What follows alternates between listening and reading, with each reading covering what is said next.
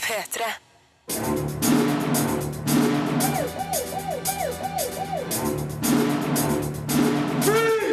Filmpolitiet! What's your name, dude? Eh, Birger Vestmo. What kind of stupid name is that? Musikken er bedre enn handlinga i høstens første norske film, Dryads Girls Don't Cry. Superheltfilmen Fantastic Four er en gedigen skuffelse. Pixels er enda vær. Vacation bleikner mot originalen, Hjelp vi må på ferie, mens Amy er en fantastisk og opprørende dokumentarfilm om Amy Winehouse. Det her er premierefilmene som anmeldes i denne utgaven av Filmpolitiet, der vi òg ser på ukas viktigste nyheter fra film- og spillfronten. Ja, og litt eh, TV. Filmpolitiet. Filmpolitiet anmelder film. Jeg bor i det huset ved siden av deg, da. Alle sammen, dette er den nye Dryads. Er du med? Ta bilde. Det er bandbilde. Ei ung jentes musikalske oppvåkning skildres stemningsfullt, men litt uforløst i Dryads Girls Don't Cry. Filmen lykkes best i sekvenser med tonal utfoldelse og nysgjerrighet, der den observerer et knippe unge mennesker som lever i kraft av sin kreativitet. Historien rundt er dessverre for svak, og skuespillet er av vekslende kvalitet, mens manuset sliter med å etablere interessante og troverdige konflikter. Men musikken i sentrum er heldigvis av god kvalitet. Er det du som er Hilde? Ja? Henriette leter etter deg. Å ja. Jeg tror jeg vet hva hun vil. Gjør du faen ikke?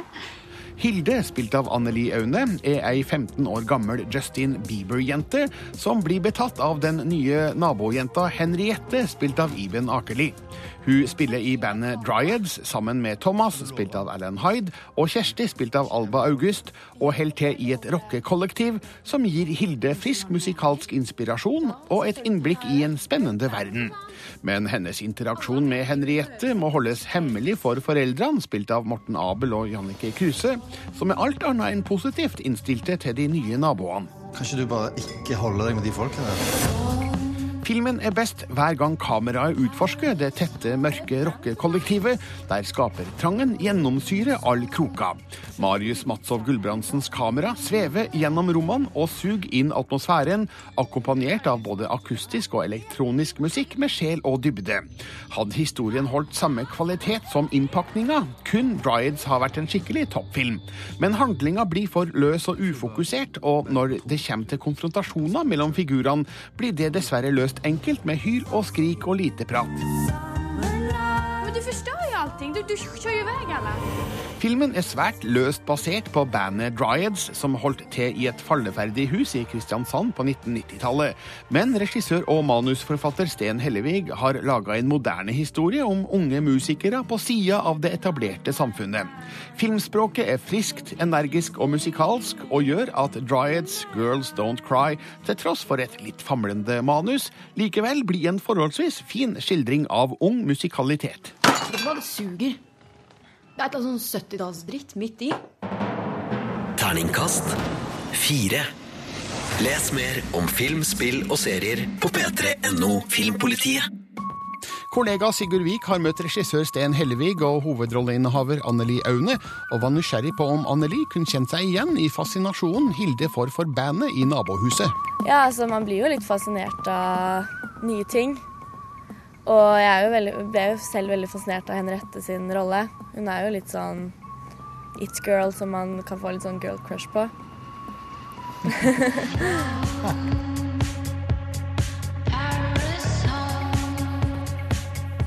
Det er jo ei 15 år gammel jente som går gjennom en ganske sånn stor forvandling, et stort skifte i, i stil, også fra Justin Bieber-plakater til Nirvana-T-skjorta og, og flanellskjorte.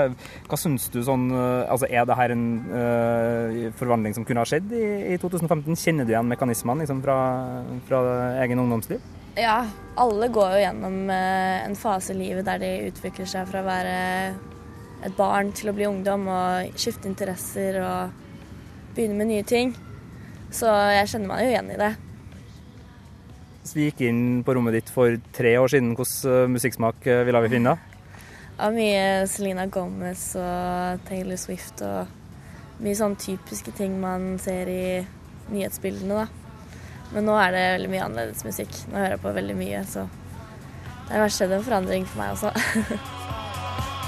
Mens Dryads-filmen har gitt eh, Anneli Aune flere nye låter og digg, så har eh, regissør Sten Hellevig fått plass til en del av sin musikalske oppvekst i filmen. I hvert fall i ånden. Filmen foregår nemlig i et gigantisk kråkeslott hvor bandet bor, og sånne hus har Sten god erfaring med.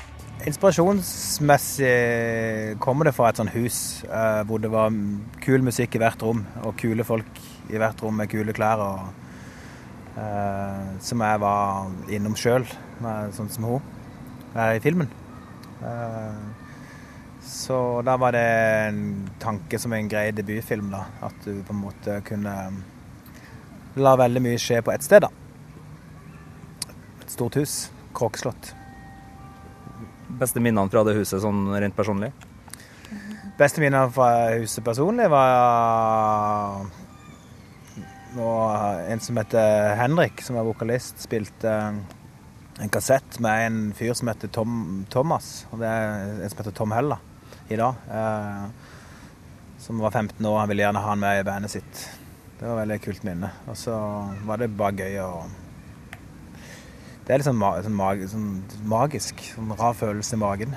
Som, å, som julaften var når du var 10, så var det liksom sånn når du var 16-17. da.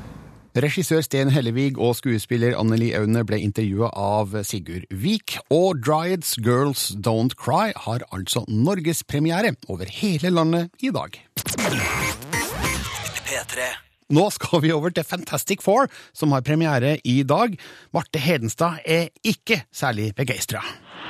Filmpolitiet anmelder film. We gave you six years and millions of dollars, and you gave us nothing. Fantastic Four er ikke særlig fantastisk. Beklager det ordspillet, altså, men dette superhelteventyret er en gedigen skuffelse.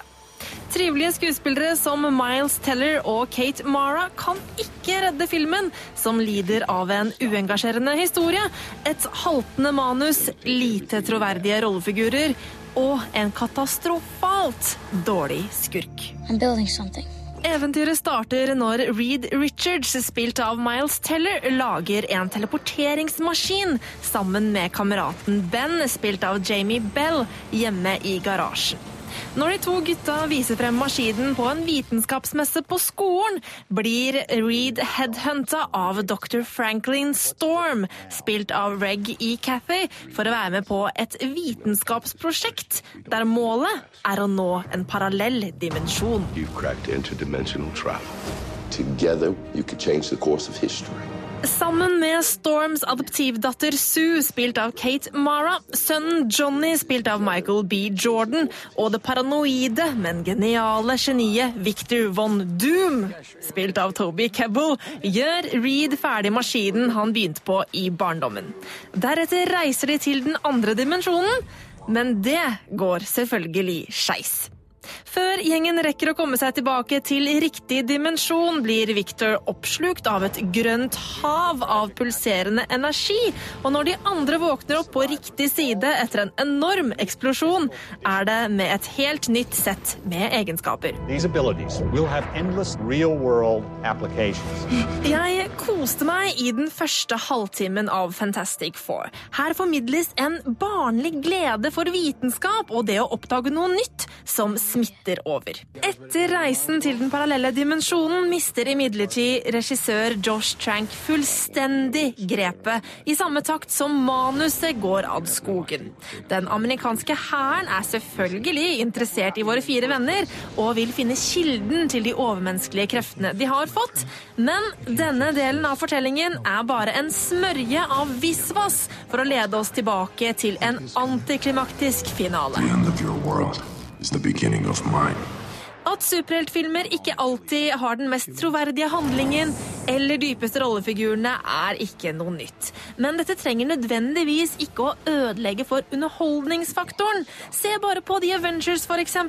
En strålende underholdningsfilm. Men også her faller Fantastic Four gjennom. Regissør Josh Trank har med andre ord synda på verste vis. Han har laga en kjedelig superheltfilm.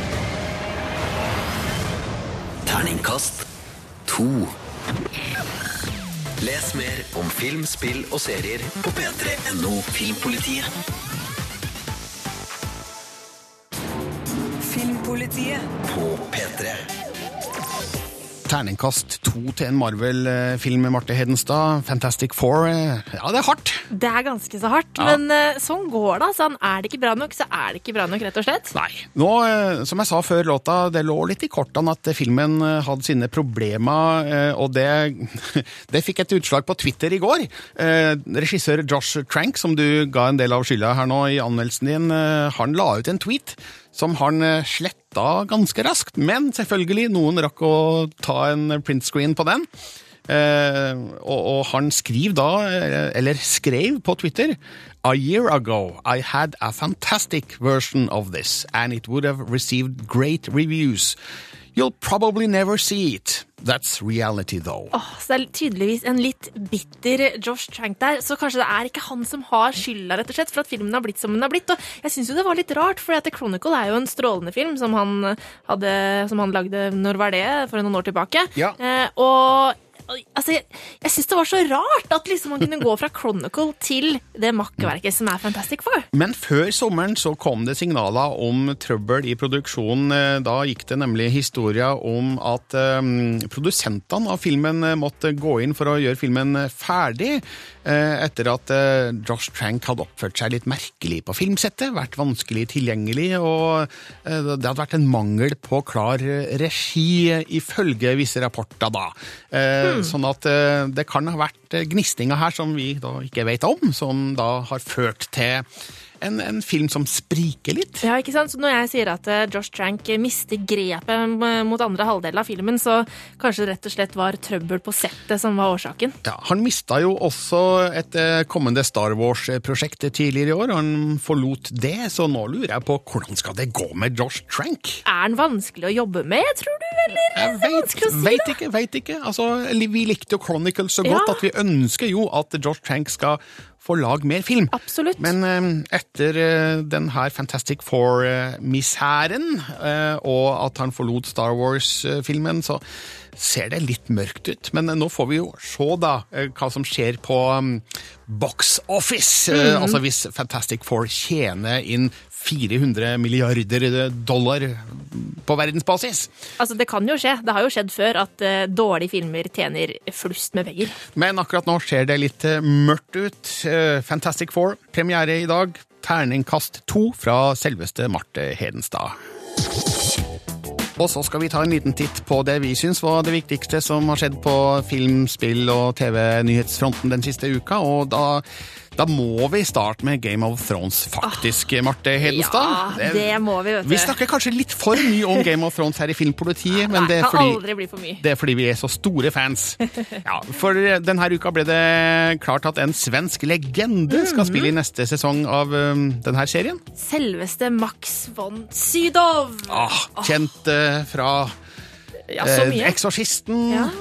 Det syv, sjuende innseglet. Ja, ja, ja. Ø, altså, for ikke glemme ø, Flash Gordon, keiser Ming. Ok, kanskje vi, kanskje vi glemmer akkurat den, da. Men uh, hva skal han gjøre i Game of Thrones? Nei, han har altså fått rollen som The Third Eye Crow. Altså, eller altså Ja, det er denne Mot slutten av forrige sesong Nei, ikke forrige sesong. Sesongen før der. Ja. Da Hodor og Brann Bran og gjengen endte opp langt opp mot nord, så fikk vi se en, en gammel dude sittende inne i hulen der.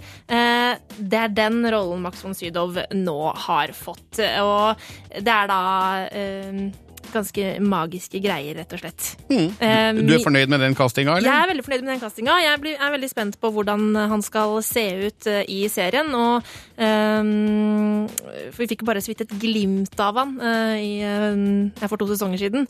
Da en, av en annen skuespiller. Så jeg har trua på at det blir spennende. Og så uh, det som er jo ekstra spennende, er at eh, for den sesongen så vet vi jo ikke helt 100% hva som skjer. Eh, for eh, nå har jo rett og slett TV-serien tatt igjen bøkene. Så det gleder jeg meg ekstra mye til. Nå har vi brukt halve tida til å prate om Ja, Game of. Thrones. Nå må videre, vi må videre. Må vi videre. Eh, Passengers, Morten Tyldums eh, neste film, har fått yes. sin offisielle premieredato. 21. desember Mm. 2016.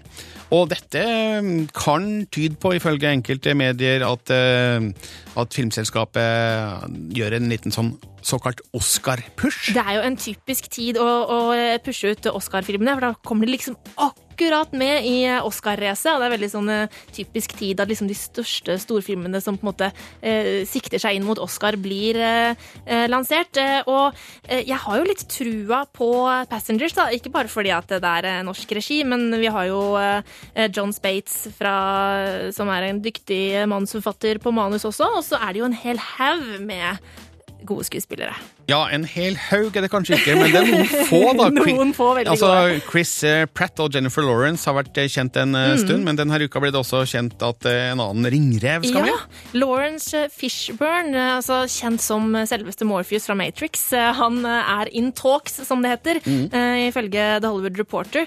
Så det er veldig spennende. Det sies ikke noe om hvilken rolle han skal spille, men vi vet også da at Michael Sheen han skal spille en slags robot i filmen, så Mm. det er dyktige skuespillere på gang.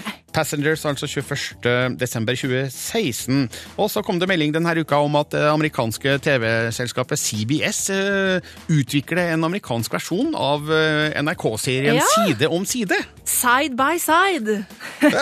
Ganske åpenbar uh, tittel, det der. Det er alltid artig når norske ting gjør det, gøy, gjør det stort i utlandet. Ja, eh, Om det blir noe av, det får vi jo se, da, men det er Donnick Carey som skal skrive og produsere den amerikanske versjonen. og... eh, han har tidligere jobba med bl.a. Parks and Rec, Mm. eh, The Simpsons og hos David Letterman, så han har eh, ting på CV-en som tyder på at han er ikke noen hvem som helst, i hvert fall. da. Eh, Og eh, Mens vi venter på mer nyheter om det, så kan vi glede oss til sesong tre av Den norske Side om side, som har premiere på NRK 29. august, og det er jo ikke så lenge til. Eh, helt kort til slutt. Det har blitt kjent at det, skal komme to nye Bad Boys-filmer. Bad Boys 3 og 4. Og da tenker jeg umiddelbart det er kjempekult. Men så lurer jeg jo da på om det blir med det samme castet. Det vet vi vel ikke ennå. Altså Will Smith og Martin Lawrence. Eh, vil tro det. Altså Hadde det vært en reboot, det her, så hadde de kalt det noe annet enn Bad Boys 3. Ja. Eh, men Martin Lawrence var hos eh, Conan eh, på TV-showet Conan O'Brien i, i fjor høst, og der snakka han om muligheten for Bad Boys 3, så vi får vente og se. Joe Carnahan skal muligens regissere det her, og det vil si at eh, Michael Bay står over eh, som regissør denne Mm. gangen. Ja. Han syns kanskje det var for lite roboter i Bad Boys-universet. jeg vet ikke. For lite action, eller jeg vet ikke. Det er jo en del action. Den er litt for mye humor, kanskje. Marte Hedenstad, nå må vi slutte å snakke. Okay, okay. Eh, flere nyhetsting om film, spill og TV fins på våre nettsider p3.no Filmpolitiet.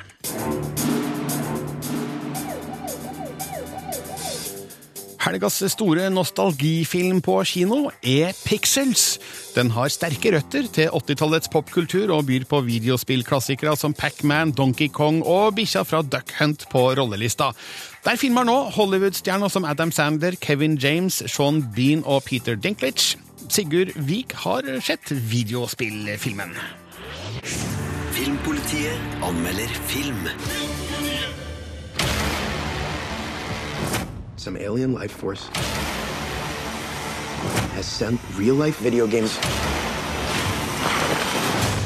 to attack us. Adam Sandler og Kevin James er tilbake igjen, og Pixels er den dårligste filmen jeg har sett på kino noen gang. Pac-Man's a bad guy? Filmen lener seg brutalt på 80-tallets spillnostalgi og nerdekultur, med Pac-Man og Donkey Kong i spissen. Men i stedet for å hylle denne kulturen, så utnytter Sandler og co. skamløst de populære spillklassikerne for å selge nok en generisk kopi av Sandlers egen standardiserte møkkaoppskrift for feelgood-komedier. We've never faced a threat like this before. We need video game expertise. Pixels handler i korte trekk om rominvasjon i form av arkadespill.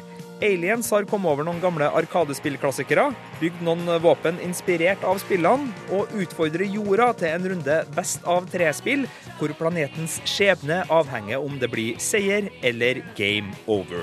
Det ser jo svart ut, men jordas mulige redning ligger i USAs president Cooper, spilt av Kevin James, og hans arkadespillende kompis Sam Brenner, spilt av Adam Sandler.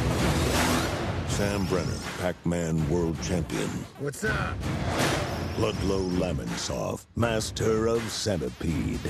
Also known as your worst nightmare! Pixels er pinlig lite fintfølende for den nerdekulturen den prøver å omfavne.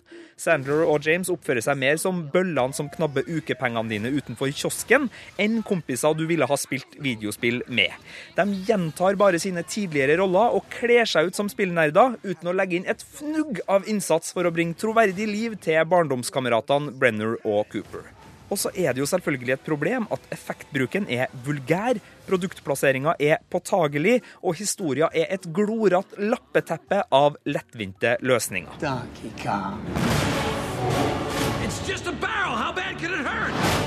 Av en eller annen merkelig grunn, sannsynligvis masse penger, har flere gode skuespillere valgt å stille opp på denne vederstyggeligheten av en film. Peter Dinklage, Brian Cox og Sean Bean har all mulig grunn til å skjemmes over både egen innsats og dømmekraft. Forhåpentligvis så vil de se filmen, gremmes kraftig og aldri, aldri, aldri nærme seg sånne bunnivå igjen. Pac-Man is not bad. You'll see. Professor Iwatani, what are you doing? I will talk to him. He's my son. Hello, my sweet little boy. Look how big you've grown. For et par uker siden prata jeg med en kamerat om hvordan bruken av 3D i Hollywood nå endelig ser ut til å ha forlatt det slitsomme stadiet hvor det kastes ting ut mot kinopublikummet for billig wow-effekt. Der tok jeg visst eh, skammelig feil. Regissør Chris Columbus slynger pikslene sine rundt i kinosalen som en full Donkey Kong-gorilla. Den eneste effekten han oppnår med det, er å påføre folk i salen fysisk ubehag. Pixels er altså bare sorgen. Denne filmen frarådes på det sterkeste. Somebody annihilate this stupid thing! Terningkast 1. Filmpolitiet anmelder film. This trip's exactly what we needed. There was a hole in the side of my stall. Sounds like you found yourself a glory hole. Russ? Hmm? No. All right, let's hit the road. Akkurat idet fellesferien avrundes, kommer Vacation på kino og minner oss om all feilskjær som kan skje under en ferietur. Det her er en ny film som slekter på de gamle Hjelp, vi må på ferie-filmene fra 1980-tallet. Den byr på sløy humor av middels sort, ispedd enkelte treffsikre høydepunkter, som gjør Vacation til en lettfordøyelig komedie, sjøl om den til tider òg kan virke i overkant traust og gammeldags. Sånn sett lykkes den i en slags tilnærming til originalen, men bleikner uunngåelig i sammenligning. So you want to redo your vacation from 30 years ago? This will be completely different. Sønnen fra de gamle filmene har sjøl blitt familiemann med kone og to sønner. Nå vil Rusty Griswold, spilt av Ed Helms, ta med familien på biltur til Wally World, fornøyelsesparken som han sjøl besøkte med sine foreldre og søster for 30 år siden. De krysser USA i en suspekt leiebil, blir utsatt for den ene floka etter den andre, samtidig som Rusty forsøker å oppildne ekteskapet med Debbie, spilt av Christina Applegate. We're naked and covered in human waste. Oh, on, sweetheart. We don't know that it's human. Filmen forsøker hardt å more med bæsj og spy, bokstavelig talt, men burde heller etterstreba skarpere humor i manuset. Historiens hovedkonflikt er det litt slitne ekteskapet mellom Rusty og Debbie, samt det spente forholdet mellom brødrene James, spilt av Skyler Gisondo, og Kevin, spilt av Steel Stebbins. Men det virker ikke som noe egentlig står på spill, og det engasjerer derfor heller ikke nevneverdig. So, like like. Ed. Helms er en hyggelig komiker, men det betyr òg at han er ufarlig og broddeløs.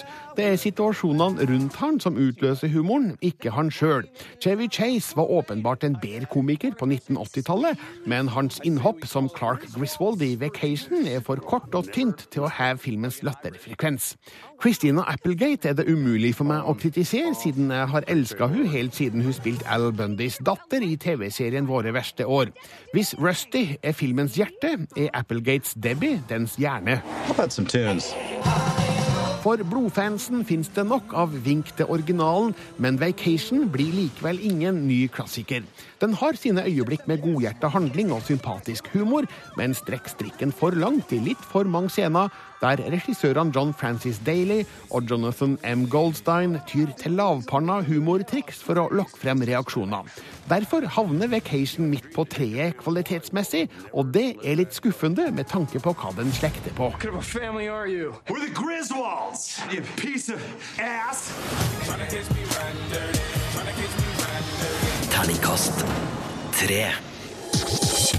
Gamescom pågår nå i Köln i Tyskland. Yes. En gigantisk spillmesse. Yep, og det er en spillmesse som er åpen både for bransje og for publikum. Så her er det tusenvis på tusenvis av spillinteresserte folk eh, som eh, traver rundt i Köln om dagen. Og det her er en viktig arena for annonsering av eh, nye kommende Ja. spill. Og hva er det beste som har kommet derfra, Altså, syns du? eh, ofte på Gamescom så er det jo sånn at vi får liksom se mer av det som blir avslørt på E3 i juni, og så får vi vite litt mer om det og sånn. Eh, Men på eh, Microsoft sin pressekonferanse på tirsdag så, så fikk vi en skikkelig overraskelse. De hadde liksom vist frem liksom line-upen sin av dette er spillene vi kommer med i høst. Men forresten, vi har én ting til på slutten Oh, som vi vil vise dere. Ja, Ja, just one der, more ja. thing. Den typiske der. Eh, og da kom de altså med Halo Wars 2. Eh, og for dere som ikke kjenner til Halo Wars, så er det et eh, strategispill fra 2009 eh, som Ensemble Studios utvikla i sin tid. Det var veldig populært, anerkjent og alt det der, og nå kommer da altså oppfølgeren. Denne gangen så er det Creative Assembly som står for utviklinga, men frykt ikke, for det her er jo da selskapet som står bak Total War-serien, som også er en strategispillserie, så det er nok i gode hender. En annen eh, ting som kom fra Gamescom denne uka, er noe jeg vet du er veldig opptatt av, Martin, nemlig World of Warcraft. Yes! Det er jo sånn at eh, det er enda en utvidelsespakke på vei i World of Warcraft-serien. Den sjette. Eh, og det er jo litt sånn for at World of Warlords of Draenor, som var den forrige utvidelsespakken, den begynte med et smell. Eh, brakte masse spillere tilbake igjen eh, og gjorde det veldig bra i starten. Og så viste det seg etter hvert at det hadde ikke så mye å by på etter at den hadde levela opp eh, likevel. Eh, og da gikk rett og slett eh, spillertallene veldig mye ned. Faktisk halvert. Nå er det bare fem millioner og noe som spiller World of Warcraft, og det er veldig lite i forhold til over ti millioner. Mm. Så Blizzard har på en måte en liten sånn redningsaksjon på gang, og det gjør de ved å gi det, spillerne det de vil ha. Og Burning Crusade, som var den første utvidelsespakken til World of Warcraft, den er på en måte ansett som den beste, og nå ønsker de å gi den følelsen tilbake til World of Warcraft-spillerne med World of Warcraft Legion. Um, der den store skurken fra eh, Burning Crusade, nemlig Illidan, eh, og alle hans demoner kommer tilbake. Eh, og det er selvfølgelig da masse, masse, masse nytt i utvidelsen, som alltid. Um, du får en ny klasse som heter Demon Hunter. Eh, Du får et nytt kontinent å boltre deg på. The Broken Isles heter det. Nivået blir hevet fra 100 til 110. Ah, du får en ny våpen, selvfølgelig. En, en sånn liksom kult en sånn epic weapon som de kaller for artifacts. Så de må liksom legge ut på oppdrag og finne deler og sette sammen til et sånn supervåpen. Um, og så får du et nytt sånn æresystem, altså honor-system, for de som spiller PVP, altså spiller mot spiller. Så det er masse, masse nytt. Men eh, blir du eh, engasjert og gira av det her? eller? Det som var, var at jeg ble ikke sånn supergira og engasjert, dessverre. Eh, og det, var, det merket man også på publikum i salen. Uh, vanligvis når Blizzard har uh, slike pressekonferanser, eh, eller ikke pressekonferanser, det er publikumskonferanser som det egentlig er, Mm. så gjør de det på det som de kaller for BlizzCon, og da er det supermye jubling i salen, og folk er helt med. Men på, mens på Gamescom så var det kanskje ikke like mange rene fans i salen, og det var liksom ganske lite jubling og klapping, faktisk.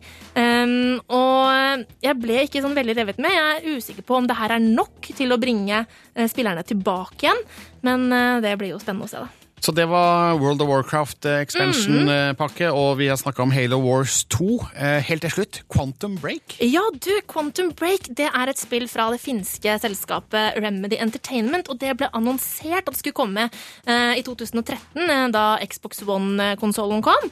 Eh, og vi har venta på det siden den gang, og nå har det endelig eh, kommet eh, altså De avslørte da at eh, lansering blir 5. april 2016. Så det er jo ikke sånn kjempelenge til. Og det her er et veldig interessant spill. Det, er, det handler om tidsreise, stopping av tid, se fremtiden og sånne type ting. Men så er det litt annerledes fordi at Remedy Entertainment her ønsker å på en måte bringe TV-serie og spill sammen. Mm. Sånn at de skal lansere en TV-serie samtidig som på en måte eh, også skal påvirke spillet og litt sånn der. Jeg er veldig usikker på hvordan det kommer til å fungere, men veldig spennende på å se hvordan det blir. Så det blir bra. Tre kule ting fra Gamescom som pågår fremdeles i Tyskland. Les mer om det på våre nettsider p3.no slash filmpolitiet. Filmpolitiet anmelder film. Amy, come on, just give us a quick one, a one second flash. Regissør Asif Kapadia har gjort det samme for Amy Winehouse i Amy, som han gjorde for Formel 1-legenden Aiton Senna i Senna. Han har greid å skape et nært portrett av mennesket bak fasaden, med kløktig navigasjon gjennom et hav av arkivmateriale. Amy er opprørende å se fordi vi vet hvordan det hele ender, og det er fortvila å oppleve omgivelsenes maktesløshet i forhold til ei ung dame på vei mot stupet. Men denne fantastiske dokumentarfilmen gir oss òg en bedre forståelse for Amys bakgrunn, hennes enorme talent, og hvorfor det måtte gå som det gikk. She was one of the truest artists I ever heard. The world wanted a piece of her. Filmen tar i bruk mange private opptak som viser en usminka Winehouse med garden ned. Filmen forteller oss at Amy ble sterkt prega av at faren forlot familien da hun var ni år, og at det her ligger bak mange av hennes senere problemer med depresjon, bulimi, alkohol og narkotika. Som ung tenåring ser vi hun tull rundt som enhver annen. I begynnelsen av karrieren ser vi hun være i sitt ess i små intime konserter. Vendepunktet kommer med et destruktivt kjærlighetsforhold som sender hun ut i narkoavhengighet. The thing is, I don't think I'm Jeg har fått nyvunnen respekt for Amy Winehouse som artist og låtskriver etter denne filmen. Vi husker kanskje best tabloidskandalene, men filmen minner oss på hennes udiskutable talent. Jazzlegenden Tony Bennett setter hun f.eks. i samme bås som Billie Holiday og Ella Fitzgerald. Filmen gjør òg at man forstår hvor ekstremt personlig hun var i sine tekster. Etter det her kan ingen høre Rehab på samme måte igjen. Asif Kapadia gir Amy Winehouse en musikalsk og menneskelig oppreisning. I think the more people see of me, the more they'll realise that all I'm good for is making tunes. So leave me alone and I will do the music. Mitch Winehouse, Amys far, har kritisert denne dokumentarfilmen for å gi et usannferdig bilde av begivenhetene. Det er kanskje ikke så rart, siden han kommer dårlig ut her. Det skapes et inntrykk av bildene og intervjuene med han at han var mer interessert i å mele sin egen kake enn å sørge for at dattera fikk den hjelpa hun trengte. Vi får se om hans egen versjon kommer. Inntil videre er Asif Kapadias film et interessant og bevegende dokument over en av vår tids største sangtalenter, og en advarende skildring av hvordan hun gikk til grunne i musikkbransjens kjente fallgruver. Oh, Terningkast fem. Les mer om film, spill og serier på p3.no Filmpolitiet. Filmpolitiet anmelder film. The light heavyweight champion of the world, Billy Det er en hardtslående Jake Gyllenhaal som dukker opp som bokseren Billy Hope i Southpaw. Filmen som handler om en boksemester som mister alt, og deretter må kjempe seg tilbake i ringen, er proppfull av klisjeer. Og du vet allerede når den starter, hvor den kommer til å ende. Men hovedrolleinnehaver Gyllenhaal bærer filmen på sine skuldre. Han spiller så godt at det er umulig å ikke bli engasjert i rollefigurens historie. Selv om det er en fortelling du har hørt flere ganger før. The more you get hit, the harder you fight. I get it. Billy Hope kommer fra gata. Han starta livet på barnehjem i New York, men nå har han alt. Han er en ubeseiret boksemester, har en nydelig familie som han elsker, og han er rik. Så skjer det. Billy kommer i krangel med en bokserival, og i basketaket som følger skjer det en forferdelig ulykke som fører til at bokseren, som hadde alt, mister alt. Han havner i en nedadgående spiral av dop og selvhat, men så får han tilbudet om en storkamp han ikke kan si nei til. Kampen mot rivalen som førte ham ned i ulykka. Men vil han klare å trene seg opp til den store kampen der hele hans fremtid står på spill? Vil han? Vil han? Som du sikkert skjønner, så har ikke manusforfatter Kurt Sutter skrevet en fortelling som byr på de store overraskelsene. Men sammen med regissør Antoine Foucault har han likevel laga en historie jeg blir følelsesmessig engasjert i. Hvor mye ære Fuqua og Søtter skal ha for at jeg lar meg engasjere, er jeg imidlertid usikker på, for det er de gode skuespillerprestasjonene som gjør Southpaw bra. Jake Gyllenhaal har en tilstedeværelse på lerretet som drar meg inn i historien. Han har et imponerende stort register å spille på, og overbeviser i alle fasene av Billys ferd fra hyllet boksemester til mørbanka pillemisbruker og desperat bekymret far. Southpaw alle elementene du forventer å bli servert når du ser en boksefilm. Du har den bekymra familien, den arge konkurrenten, blodet og svetten i ringen, sinnet, frustrasjonen, en knekt helt, og sist, men absolutt ikke minst, den obligatoriske treningsmontasjen. Jeg elsker treningsmontasjen. Og slike elementer har jo blitt klisjeer av en grunn, for de fungerer. Og hadde Antoine Foucault og Kurt Sutter klart å lage en mindre forutsigbar historie, så kunne Southpaw kanskje vært en ny Rocky. I hvert fall nesten. You control your destiny.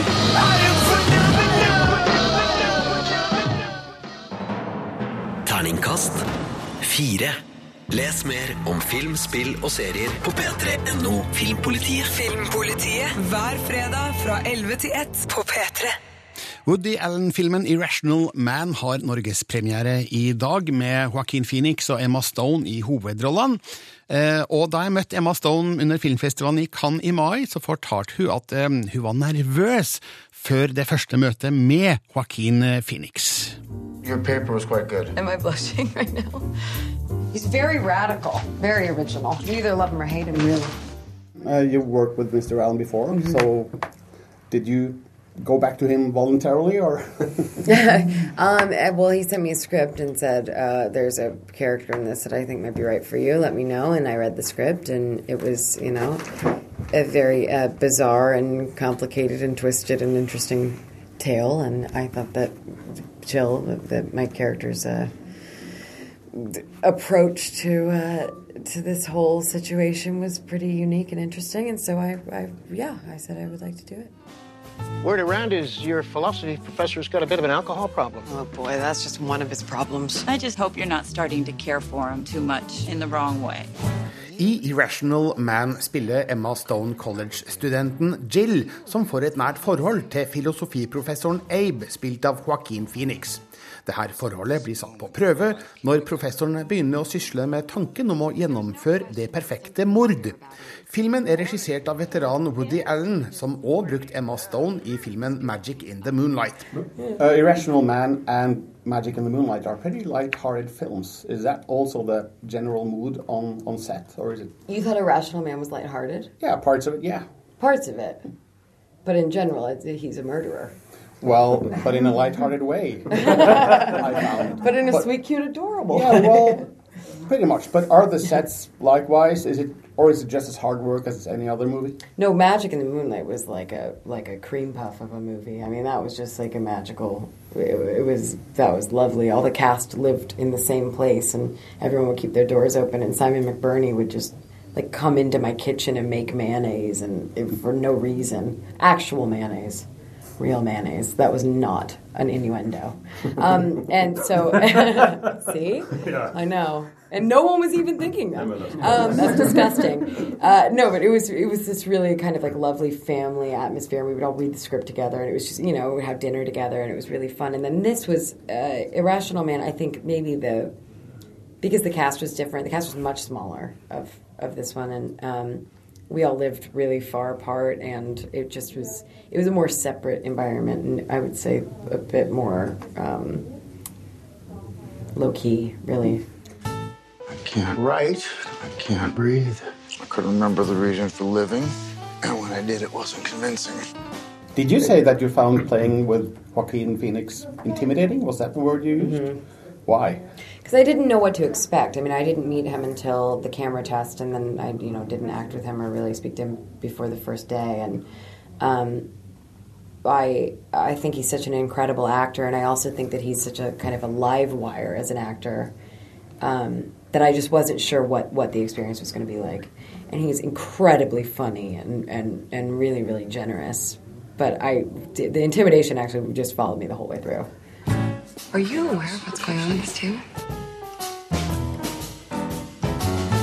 Irrational Man har altså premiere i dag og anmeldes på våre nettsider p3.no Filmpolitiet, sammen med de sju Arner av dagens norgespremiere. Filmpolitiet Med Birger Vestmo. NRK. P3. Hør flere podkaster på nrk.no podkast. P3.